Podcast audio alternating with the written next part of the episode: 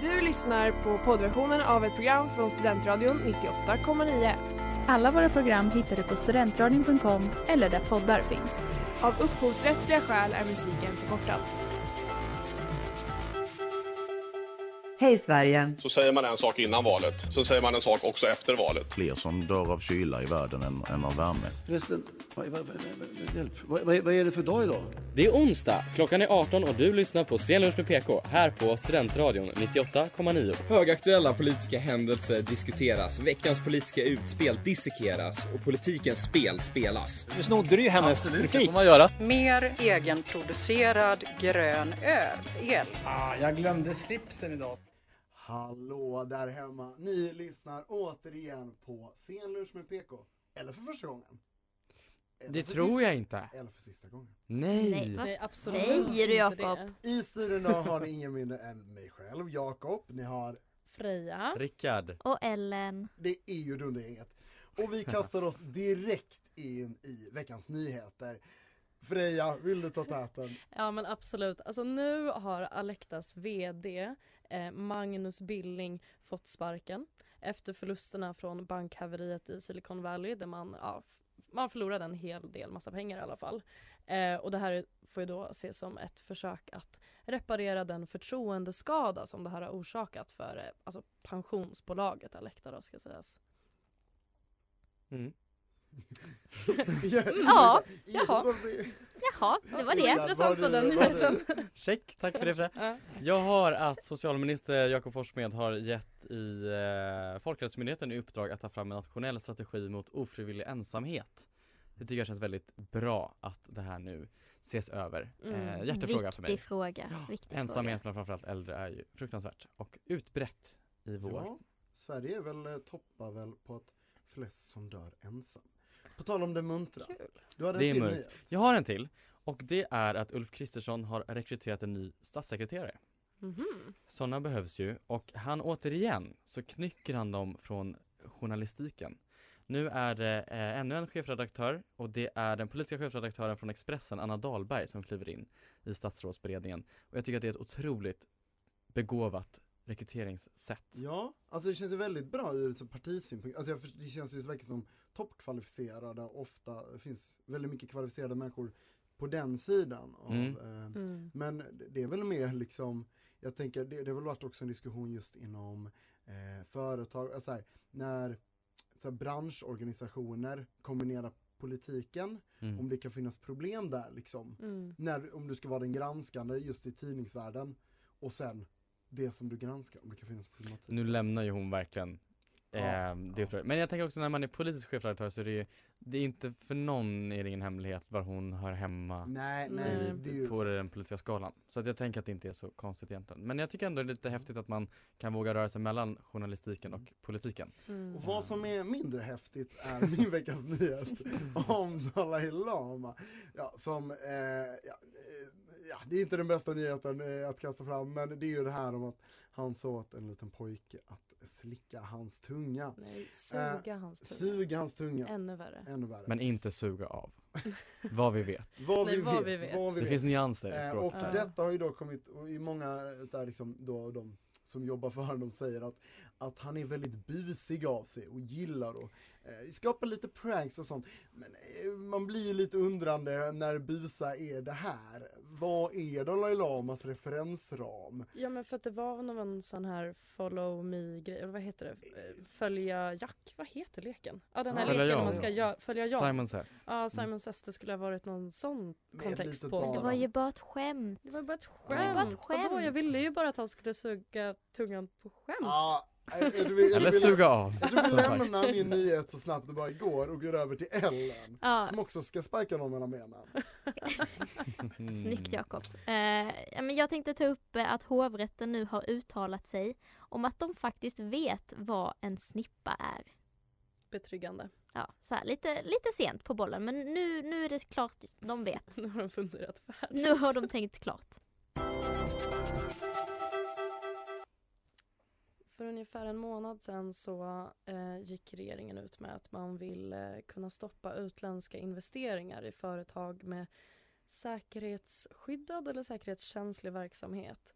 Eh, och det här antas då eh, handla främst om eh, ja, men Ryssland då, men inte så aktuella just nu kanske. Eh, men Kina och Iran eh, eftersom det är tre länder som pekas ut som särskilda stora hot mot eh, svensk eh, säkerhet. Och mm, i, så ska man säga, i kölvattnet av det här då så publicerade SVT igår en eh, granskning som visar att det finns ungefär eh, 1500 kinesiskt ägda företag i Sverige. Och då har man räknat väldigt brett. Alltså, det handlar om allt från små restauranger till ja, men de här stora företagen som eh, till exempel MTR, den här tågoperatören. Då. Eh, och anledningen till att den här granskningen görs och liksom ses som intressant eh, är för att den kinesiska regimen har eh, stor möjlighet till att eh, utnyttja det här. Det finns några olika detaljer kring hur det går till men bland annat och det som kanske eh, alltså står ut som mest intressant i det här är att sedan 2017 så har man en så kallad eh, National Intelligence Law att alla kinesiska medborgare och företag oavsett vart de bor har underrättelseplikt till alltså kommunistpartiet men liksom den kinesiska säkerhetstjänsten eh, om de då skulle begära någon information. Eh, och till det här då så menar man ju också, eller menar Säpo att man ser eh, brett kinesiskt spioneri mot Sverige eh, och att det här, alltså i händelse av konflikt mellan Sverige och Kina så skulle det här kunna användas som eh, alltså ett ekonomiskt hot eh, om man har ett väldigt ja, brett kinesiskt ägande i Sverige då. Ja, Jakob. Nej, nej men det låter jätterimligt och det minns jag också Huawei, det var ju Ja. där något år tillbaka, då var det just den här lagen också. Som Just var, det. Som var uppe på tapeten. Ja, ehm, nej men precis och alltså det är ju, eh, ja först och främst är det ju läskigt att tänka på sådana här förtryckarregimer och eh, hur sjukt det är att man kan tvinga alltså folk som inte ens bor i eh, landet ehm, att eh, lämna uppgifter. Jag tror också att det här har lite, eller man kan relatera det lite till det här vi pratade om i februari någon gång om att Säpo vill eh, men, kunna utföra ska man säga, tyngre säkerhetsprövningar av eh, personer med dubbla medborgarskap, främst då Kina och Iran. Men jag tror det var Iran som var på tapeten då. Det, Ehm. ju, det, var, det var också varit några artiklar kopplade till detta om oro bland kineser om att Mm. man blir klämd och det är ju svårt för att man känner ju, alltså här, Mm. jag, jag, jag känner själv, det finns ju en oro, Kina är ett väldigt stort land som Mm. väldigt ofta känns rätt läskiga. Men att så här, just, och, det, här, det känns också något oroväckande att vi skapar en sån fientlighet. Men Mm. så här, samtidigt den här lag, den lagen finns ju där. Och att så här, just de med dubbla medborgarskap, att det, det finns otroligt tragiskt att vi blir, att, vi kommer ska, att man skapar en sån, att det behöver finnas en sån rädsla Men man måste ju ändå kunna hålla två saker i huvudet samtidigt tänker jag. Ursäkta Jo. uttryck, men att det är så kritiken mot den kinesiska utbredningen och den, den omfattande expansion som, som de gör och som gör att det kommer Kina är och kommer bli en allt viktigare stormakt som påverkar och också kunna då samtidigt särskilja det från eh, enskilda medborgare. Men det är klart att här tror jag ändå att absolut lagstiftningen men jag tror att vi ligger ganska långt efter i, i många avseenden, att vi inte har koll på på olika typer av säkerhetshot och hur de kan te sig. Vilket ju inte minst märks av att majoriteten av EU-länder har redan den här typen av granskningslagar. Nej, jag håller med om det här med att man liksom måste kunna hålla två tankar i huvudet samtidigt. Men det är väl just det som oroar en lite, att vi verkar vara väldigt dåliga på det generellt som människosläkte ofta.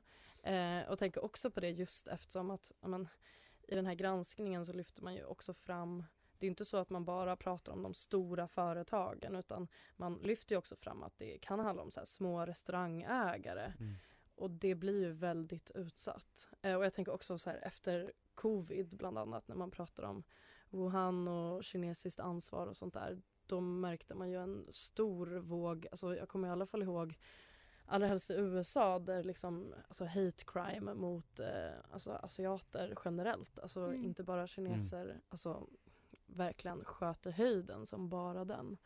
Ehm, så att det finns ju verkligen en risk med sånt här samtidigt som det såklart, alltså vi måste ju liksom uppenbarligen ta de här säkerhetshoten på allvar på ett sätt som vi inte har gjort Mm. Men de, de blir ju indragna i, en- alltså i ett politiskt spel som Mm. de alltså inte är en del av egentligen. Nej. Och det är väl det som är tråkigt att de blir inblandade utan, ja, men utan att de vill. Ja och det finns ju något intressant nu. Nu eh, snor jag lite din, eh, det du hade näm- tänkt, nämnde innan då om Carl Bildts tweet om att Sverige inte ska blanda sig i Taiwan och att man ska acceptera Kinas ett land policy. Och att det, det blir ju, det är en speciell grej med eh, ett land som länder på andra sidan jordklotet. Att så här, hur mycket ska vi lägga oss i var drar man gränser? Nu blir det Mm. just med de här säkerhetsgrejerna så blir det väldigt mycket på vårt hemmaplan. Men det är ju en väldigt speciell relation att bygga att så här, var drar vi gränserna? Vilka är våra problem att, eh, att hantera och lägga oss i, tänker du? Ja, ja men precis, ja, men, ja, det är ju den gränsdragningen. Mm. Vad ska vi gå där? Och det har ju mer och mer blivit inom EU. Det var också det Carl Bildt sa. Mm. Ehm, att var, ehm, och vi nu mer och mer blir en enad EU-enhet. Snygg segway in till även. Snygg segway. Eh, jag tänkte prata lite om eh, ja, men, eh, EU att EU-kommissionen har helt enkelt ifrågasatt eh, om brandmännens kollektivavtal är förenliga med eh, deras arbetstidsdirektiv. Eh, och då handlar det då om deras dygnspass främst. Att man ska ha enligt EUs direktiv 11 timmars vila per dygn. Och det får de inte om de jobbar i ett dygn. Mm. Eh, men detta har mötts med väldigt mycket motstånd och eh, kritik. Eh, och eh, de har ju gjort ett, men, en namninsamling då. Eh, och i Sverige är det 5000 heltidsbrandmän. Och den här namninsamlingen som är alltså mot då den här förändringen som kommer ske i oktober. Eh, då är det 3000 av dem som har skrivit under. Eh, och det är ju en stor risk för ja, massuppsägningar och, och så vidare. De är inte nöjda. Vad bra, ännu en av våra viktigaste yrken Mm. som Ja, alla ska lämna. Det känns, vi går ju i en mysig riktning. Eller hur? Jag tycker det är så mysigt det här med eh, branschkulturer. Att för brandmännen är det liksom så här, men fuck you, vi vill jobba i ett dygn. Mm. Alltså det är liksom Och vara lediga i typ åtta dygn därefter, det är väl kanske det som... Jo, såklart, men så här, att det är vad de känner Mm. funkar också så här, i ett yrke där man också kan vila. Alltså man har ju inte en utryckning eh, oftast eh, i 24 timmar i sträck.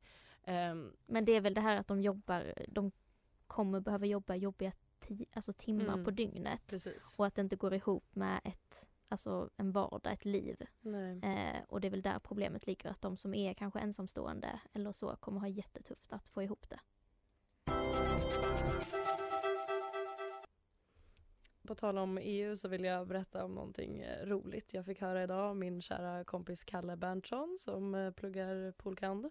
Kalle från Koma. Kalle från Koma, exakt. Eh, han var utanför riksdagen i helgen och då såg han en stor banner, alltså i ett, ö, ovanför ett sånt här valv där det står Sverige är ordförande i EU 1 januari till 30 juni. Och så har de också ristat in det här på bron ovanför. Alltså inte så, så här Sveriges ordförandeskap i EU eller någonting sånt utan bara Sverige är. st- strikt informativt. Sverige är alltså ordförande i EU. Inte på engelska, inget mer annat. Alltså jag tyckte det var roligt. De har ju rätt i det. De ja, är det. det är verkligen alltså, Sverige är. rätt i sak. det Tack för din spaning betonar Kalle. är som är, ja, Sjuk shoutout till Kalle, fantastiskt. Vi lämnar Kalle, vi lämnar bandrollen och så undrar jag, vad gör ni i juni 2024? Eh, röstar jag i EU-val? Jag tror det. Ah. För det är nämligen val till EU-parlamentet. Alltså jag ska ägna hela den månaden bara till, bara till EU. Det är generöst av dig. Ja. Och jag tror att juni? det är juni. Förlåt. Mm. Sjätte till nionde. De får ju, tydligen får man rösta lite, länderna väljer lite själva vilken dag det är som ska, Mm. där röstningen ska äga rum. Men jag tänker just det där att eh, EU-valet är ju femårig mandatperiod, 2019 var det val senast. Vi hör så fruktansvärt lite om EU Mm. mellan valen. Ja, väldigt sant. Jag tänker också på det, för det känns som att verkligen politikerna också lite försvinner. Sara Skyttedal hördes man ju ändå Mm. väldigt mycket av innan hon. Och sen känns det, alltså här, nu var hon uppe för någon vecka sedan. Mm. Men jag bara så här, hon försvann. Men, och det är också bara för att hon kämpar. Alltså hon Ja, ja, det är ju- kämpar ju för nej, att nej. vara relevant, alltså inrikespolitiskt Ja, liksom. mm. Men och det tänker jag ändå för flera av de EU-parlamentariker som sitter den här mandatperioden är ju ganska namnkunniga sedan tidigare. Det är ju Mm. Alice Bah Kuhnke, tidigare minister och, och Thomas Tobé, tidigare partisekreterare för Moderaterna och, eh, och så, så det finns ju flera personer som verkligen skulle kunna lyfta det men på något sätt så drunknar det ändå. Jag blir nyfiken om man skulle fråga runt på stan, så här, hur många kan namnge en EU-parlamentariker? Nej, men jag, tänk, jag tänker någon. speciellt de som inte har alltså det li- politiska intresset. Mm. Alltså som bara är gemene man. Mm. För man hör alltså något så otroligt lite. Alltså om allt, om alltså EU-valet tycker jag också generellt. Mm. Om alltså vad EU gör, hur EU fungerar. Alltså bara den informationen tycker jag är Jag tycker- jättedålig. Ja, också man hör mycket så här, man känner mycket rädsla för USA och hur liksom Mm. den här föraktet för statsmakten som känns så långt borta och man inte litar på det, det är så här, eh, drain the swamp och allt det där. Men om man ser så, man bara, jag kan se hur det där utvecklas inom EU. Att så här, Mm. desto mer inflytande EU får och desto på något sätt utan att vi får bättre koll på det. Mm. Mm. Det är ju en oroväckande utveckling.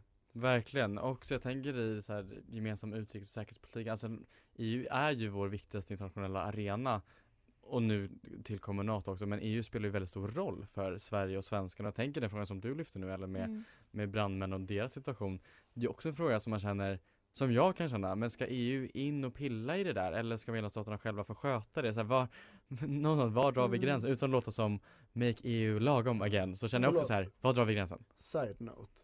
Eh, snart, nu kommer ju NATO också? Frågetecken. Det var bara, du sa nu kommer NATO också. Jaha, du ville brasklappa att det inte blir det eller? Jag, bara, jag, bara, jag vill bara säga att det, det, var, det var en bestämd ton. Det var en bestämd ton. Min eh, killgissning ligger fortfarande ute. Just det. Ehm, ja, nej, nej men Ja, förlåt. Det var det- emot det. Jag Nej, tror men att förlåt. NATO Jag, jag, tror, jag tror också absolut det. Det var bara, det var bara kul Ja.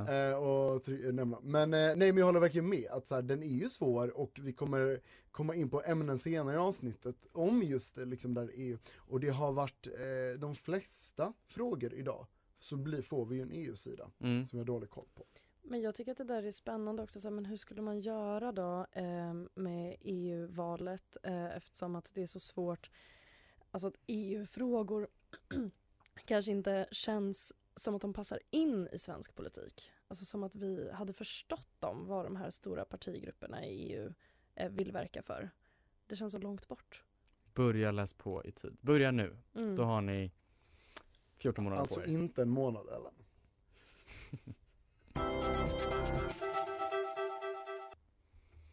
Vi ska väcka liv i en gammal fråga. Mm. En fråga som är så här återkommande. En sån fråga som jag tror man kommer titta tillbaka på. Sådana här konstanter som vi var vana vid att Sverige inte haft en kvinnlig statsminister. Sverige är alliansfria. Sverige tillåter inte gårdsförsäljning av alkohol. Mm. Nu är en spaning. Freja, du har satt in dig i den här frågan. Du har läst en SOU. Exakt, alltså det har varit lite tjafs nu i veckan. Eh, alltså för att gårdsförsäljningarna var ju någonting som eh, Tidögänget gick till val på att man skulle tillåta. Eh, och nu så har det varit lite funderingar kring varför det här inte har skett än. Eh, och Jakob Forssmed, har, alltså socialminister, har sagt att, inte du, utan han i regeringen. Eh, han har sagt Regeringen. att man liksom, men fortsätter att bereda det här då. Ehm, och det som har blossat upp igen, alltså så som Rickard säger, det kom, återkommer konstant. Eh, och nu har bland annat Systembolaget och några andra remissinstanser sagt att så här, men det här kan eh, gå stick i stäv med EU-rätten. Eh, det här med, alltså, vad heter det, icke-diskriminering. Alltså, I sådana fall måste vi erbjuda andra eh, länders alkohol också och att det här skulle kunna äventyra monopolet. Eh, Systembolagets då alltså. Eh, och då funderade jag lite på det för att man har ju då hört att eh, det har varit en statlig utredning som var färdig i december 2021 eh, som alltså nuvarande regering då alltså grundar det här i. Så var jag så här, ha okej. ehm, Och den utredningen säger Ja, precis. Förlåt, jag måste göra en, gå tillbaka en sekund och säga att sossarna kräver då, att man, eller kräver, vill att man ska be om ett EU-förhandsbesked om det här. Det. Hur eh, EU hade tolkat det här, alltså att vi tillåter gårdsförsäljning. Jo, då gick jag in och kollade på den här utredningen. Och de här EU-expert, eller EU-rättsexperterna som har skrivit den, de tror ju då att så länge som vi håller det här till en väldigt låg grad eh, så tror inte de, för det första så tror de inte att det kommer äventyra monopolet. Eh, och de tror inte att man kommer kräva att eh, man måste sälja andra länders alkohol också. Eh, om det bara handlar om att köpa med sig från den här, ska man säga, alltså tillverkningsplatsen. De menar att det är viktigt att fokus ligger på upplevelsen. Alltså att åka dit, få testa vin till exempel, köpa med sig och inte just om försäljningen. Att det ska bli lättare att få tag på, alltså sånt där liksom. Ehm, och de tror dessutom att eh, även om EU sen är så här, nej fuck you det där får ni inte alls göra. Alltså då ryker monopolet. Då är de så här, det är inte, alltså vi kommer inte tappa monopolet. Vi kommer bara reglera, alltså reglera den här regleringen, alltså justera Mm. den här regleringen och sen kommer vi, eh, eller så kommer vi ta bort det igen. De menar att det är inte så definitivt. Får jag slänga in lite statistik? Jättegärna. En Mm. eh, opinionsundersökning från, det här var början på året, eh, som eh, eh, LRF eh, beställde av Axiom Insight visade att 8 av 10 svenskar är positiva till gårdsförsäljning av alkohol. Mm. Och eh, vad jag kan uttolka av partierna så är det de forna allianspartierna och eh, Sverigedemokraterna. Mm. Fem partier som är för gårdsförsäljning. Mm. Så det finns ju ett ganska brett parlamentariskt stöd också Ja. för den här frågan. Och jag måste nu slänga in en personlig åsikt. Jag kan inte förstå att man inte, man vågar nästan inte ta den här frågan med tång. För, för man är så rädd att liksom hela systemet ska falla. En liten uppluckring av alkoholmonopolet skulle ju faktiskt inte göra att Systembolaget lägger ner här och nu. Nej, sen, sen förstår jag dock, alltså jag, jag, så här, jag, jag, jag, ser inte emot det där men att jag först, det finns ju en väldigt stark, alltså monopolet, eh, liksom Systembolaget har blivit väldigt viktigt för svenskar Mm. och ses som väldigt viktigt och liksom, och de fördelar det har kommit med och jag tror just att så här, sen ser jag inte att det här, är man, just i och med att eh, de här eh, undersökningarna visar på att det inte kommer luckra upp hela systemet. Men jag förstår också att det finns en rädsla för att det är ett system som har blivit väldigt viktigt för oss. Mm.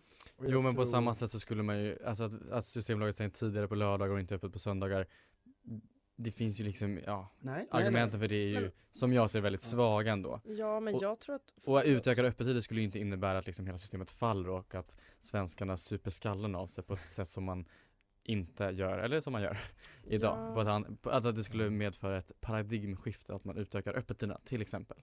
Men- jag tycker att det finns frågor som man skulle kunna nyansera debatten av. Ja, men jag tyckte det var intressant när jag tog upp det här innan så pratade vi lite om att så här, ja men okej så EU dras in som liksom, ja men det sista liksom, den sista nödbromsen i den här frågan för de som är emot. Alltså att det upplevs lite som så Mm. att, att med en gång blir det så här, men vad kommer EU tycka om det?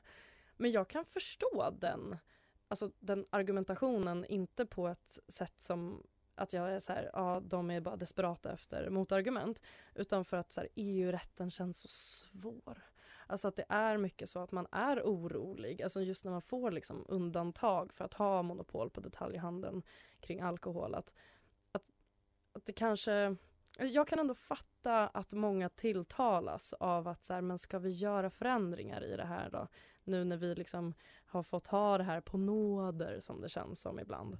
Ehm, Men jag tyckte det var väldigt intressant det här med att vad fokuset ska vara, att det, måste, att det ska vara på en upplevelse och liksom vinprovning och sånt där. Det blir intressant om man kan kunna hålla det fokuset och var det kommer ligga.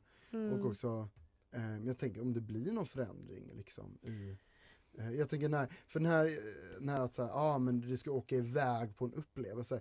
Bara, Ja de här gårdsbutikerna, för en viss del av landet så är de ju avlägsna men för många på landet så är det eh, inte så avlägset, då är det ju 20 minuter bort. Mm. Eh, jag tänker att så här, vad kan en sån, kan det påverka liksom, men så här, alkoholkonsumtion för de här regionerna kanske skulle då mest så här, eh, Gotland, Skåne och jag tänker Mm. vissa Eh, jag vet inte var liksom de här gårdsbutikerna huvudsakligen kommer att vara orienterade. Men- Det känns ju som i södra Sverige. Men jag tycker det är intressant det som du lyfter fram med EU. Jag kan förstå det att man känner såhär, oh nu blir det, nu blir det svårt här, nu blir det Mm. komplext. Men jag kan också känna såhär, ja men vårt medlemskap i EU bygger ju ändå på att på en subsidiaritetsprincip också. Mm, att, det att makten ligger nära befolkningen och vi, det känns inte som att de, om det finns ett brett folkligt stöd, att vi kan backa på grund av teknikaliteter i vår relation till det stora allsmäktiga EU. Jag skulle vilja prata om något helt annat nu, eh, komma tillbaka till inrikespolitiken som jag så ofta strävar efter. Gårdsförsäljningen kan du väl ändå inte Ja, det måste du ge Nej men oss. jag, Ja. nu är vi verkligen Men- tillbaka i kärnan här. Mm. Nu ska vi prata om regeringens, ett av regeringens styrmedel. Personalen. Yes. Utnämningsmakten. Den Ah, det pirrigaste av pirrar dem alla. lite nu, jag ser det, ja det är fantastiskt Regeringen utnämner ju sina, sina cheferna för myndigheterna, Mm. generaldirektörerna Vet ni hur många myndigheter vi har i Sverige? Och jag orkar inte säga, ja det är fem under riksdagen och det är så här, Nej. utan bara myndigheter Nu klumpar jag ihop allt Hur många myndigheter ungefär? Jag vet inte. Fan, ingen aning. 20 Alltså, plus. det är för pinsamt att gissa tycker jag. Ja, jag Kul det att quizza här Nej, men det är jättepinsamt det här. Ja, men jag det vill är inte ju- vara med. Det är många, Det är skitmånga. 340 stycken ungefär Va? Oj jävlar. Och då är ändå det 20 en plus, det var svär mycket det här avsnittet hörni, gud Jag vad vet, ni jag har sagt fuck you Men typ fyra Ja gånger. jag känner det Men Och Jakob Forssmed. men vad räknas som eh, min, eh, Ja men det skit i det Jakob ja. Jo, jo men när jag sa 20 plus så skämde du ut mig nu vill jag veta. Nej, men men sa det, ju det man skulle fel. inte Det är gissa. inte fel. Nej, nej. 20 hade ju plus är ju rätt. Ja. Hur som haver, 340 ungefär. Det är ändå en halvering tydligen de senaste 20 åren. Det har varit, haft jättemånga myndigheter. Hur som haver, nu är det ju så att SD har varit ute eh, över tid nu och vevat och sagt Mm. att de inte har förtroende för vissa myndighetschefer eller sagt att vi vill se över här när förordnandena, när förordnandena löper ut så vill vi gärna att det är någon annan. Eh, känner ni igen debatten? Lite. Det har varit ett, ett antal, eh, Mikael Ribbenvik, Migrationsverkets generaldirektör, skulle inte få förlängt eh, förordnande och det har ju SD varit väldigt positiva till att han inte skulle få förlängt.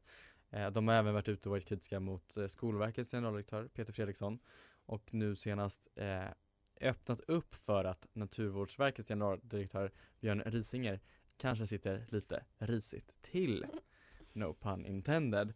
Och då Mm. blir jag lite nyfiken på vad tänker vi kring det här? Det här är ju Det här är ju kontraktsparlamentarism för SD sitter inte i regeringen så de har inte utnämningsmakten på sitt bord men regeringsunderlaget ingår de i och regeringen åtnjuter, åtnjuter sitt förtroende tack vare eh, Sverigedemokraternas stöd. Så det är klart att eh, statsministern behöver lyssna in vad Jimmie Åkesson och hans gelikar Ja. har för åsikter. Mm. Det känns ju lite oklart så här, vad är SD, alltså igen, är det här liksom att SD vill att så här, få in, välja poäng, alltså är det här poängen de ska få att kunna byta ut dessa personerna? Eller är det faktiskt att de vill liksom, är det någon de vill få in istället? För det är ju rätt många de vill. Ja, jag menar det finns ju jättemånga, det, det här är ju bara en bråkdel av hur många som, som det finns och många myndigheter är ju verkligen skitsamma eh, i det avseendet att de är ganska små och det finns liksom ingen partipolitisk konflikt över vem det är som leder Men myndigheten. jag tänker ju såhär, Skolverket är ändå lite, alltså jag tänker, Mi- Migrationsverket, där ser jag ändå att Mm. SD har ju en tydlig vinkel, att ja, men ett ställe som Skolverket, absolut, är väldigt vikt, en av de absolut viktigaste myndigheterna vi har. Men fortfarande, jag, eh, nu vet jag inte vad de Men man kan nog se, ja, min tolkning är att de ändå ger sig på liksom dels deras hjärtefrågor men också myndigheter som de stora myndigheterna som, Mm. som samlar många. Men jag tycker det är intressant den här liksom relationen som blir av kontraktsparlamentarism för det är ju ett spännande koncept. Det är ju heller inte nytt. Jag noterar att Magdalena Andersson ofta säger att den här marionettregeringen, att det sitter liksom, att det är SD som styr utifrån.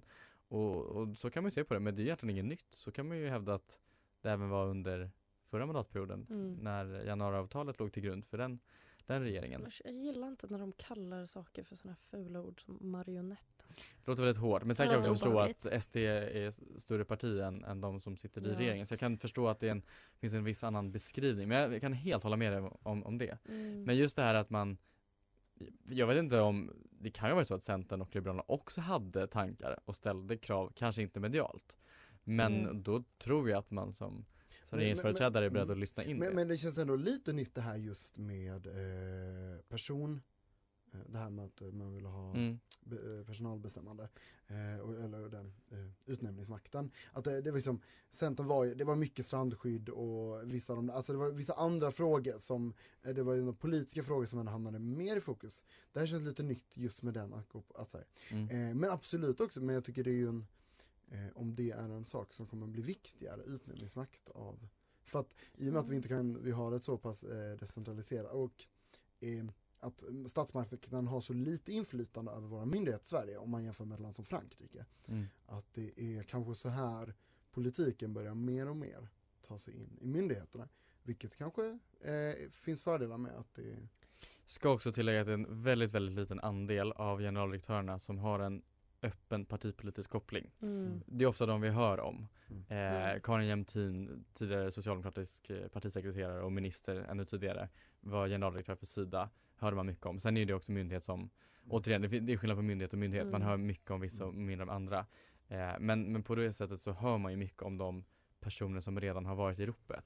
Medan med andra hör man ingenting om. Och det är, nu ska jag inte säga någon procentsats här, men det är, det är ental i procent. Det är under 10. Ja, men jag tänker alltså just som vad en lekmannauppfattning om allt det här med styrningsmedel och så. Det känns som att eh, just utnämningsmakten är en ganska lätt bit att liksom få inflytande eller känna att man påstå att man liksom har åstadkommit någonting. Men som, som du säger, just eftersom det inte är så politiskt, att det kanske inte är det egentligen. Alltså det är någonting lätt för regeringen att ge SD. Alltså bara tänker jag i min världsuppfattning. Där kom vi till slutet av detta avsnittet. Men först, kanske det viktigaste. Enligt vissa. Tydlig blick från Rickard. Äh, välkommen till det fina segmentet killgissningar. Jag får så mycket kritik. Ja men du ger oss också blickar. Jag tittar bara Det är på. så lätt att ge dig kritik, det är det. Jag vet, Ofta när jag, jag inte är här får jag också kritik, hör jag Ja. efter. När jag Ja. efterhand. jag hoppas detta fortsätter nästa år. Men Rickard, som, som, som, förlåt, som förlåtelse, vad är din killgissning? Men jag tänker på vårt stundande NATO-medlemskap. Mm. Jag gillar att prata i absoluta termer. När vi, inte Mm. om, utan när Mhm. vi blir medlemmar i NATO. Om tio år. Jag tror att vi, nu, nu är det mycket, mycket Ryssland. Jag tror att den stora säkerhetsutmaningen kopplat till det vi pratade om tidigare eh, och där vi verkligen kommer ha NATO-medlemskapet att tacka och den, den västallians eh, och det, nu låter jag väldigt så Ja, här. verkligen. Mm. vi ska in. Men jag tror att vi kommer ha mycket att tacka det mot den eh, expansion vi ser i öst och då tänker jag inte bara i Ryssland utan ännu längre österut härifrån, nämligen i Kina. Ja, och jag, min killgissning eh, följer lite den. Eh, Jag kommer, det- eller fast mer handla om Taiwan-frågan och att det kommer komma en NATO-delning. För att Biden har ju ändå väldigt uttryckligen sagt att han ska backa eh, Taiwan. Och nu Macron säger är mer eh, delad och det kommer bli en liten maktdelning där. Och jag ser hur, lite som vid Irakkriget, när USA gick in där. För det finns ju sen andra världskriget en väldigt stor förväntan på att EU-länderna, eller de som USA räddade, följer efter in i krig. Men likt Irakkriget så kommer inte alla göra det. Men några kommer. Eh, blir det Danmark och Storbritannien en gång till? I don't know. Eh, kanske Storbritannien. Eh, inte, men jag tycker vi har en sida på Frankrike. Det är så många killgissningar Det är Ja, men, det, men vi har. Macron, Macron, vi har Biden och sen delas NATO om vem som följer med Ah, in i krig i Taiwan. Spännande. Jag tyckte att det var jättesvårt att komma på en killgissning. Eh, ibland kan de vara lite spårade. Så jag tog Rickards eh, killgissning. Att minska ensamhet med obligatorisk dans med Rickard. Härligt. Ja. Jag tror, eh, Så. till det här med förhandsbeskedet från EU. Jag tror att det blir inget sånt. Alltså sossarna förs- alltså, fortsätter fucking suga som oppositionsparti. De får strunta i det där. Regeringen går vidare med gårdsförsäljningen. Det kommer i juni. Vilken jävla ton. Du har lyssnat på poddversionen av ett program från Studentradion 98,9. Alla våra program hittar du på studentradion.com eller där poddar finns. Och kom ihåg, att lyssna fritt är stort, att lyssna rätt är större.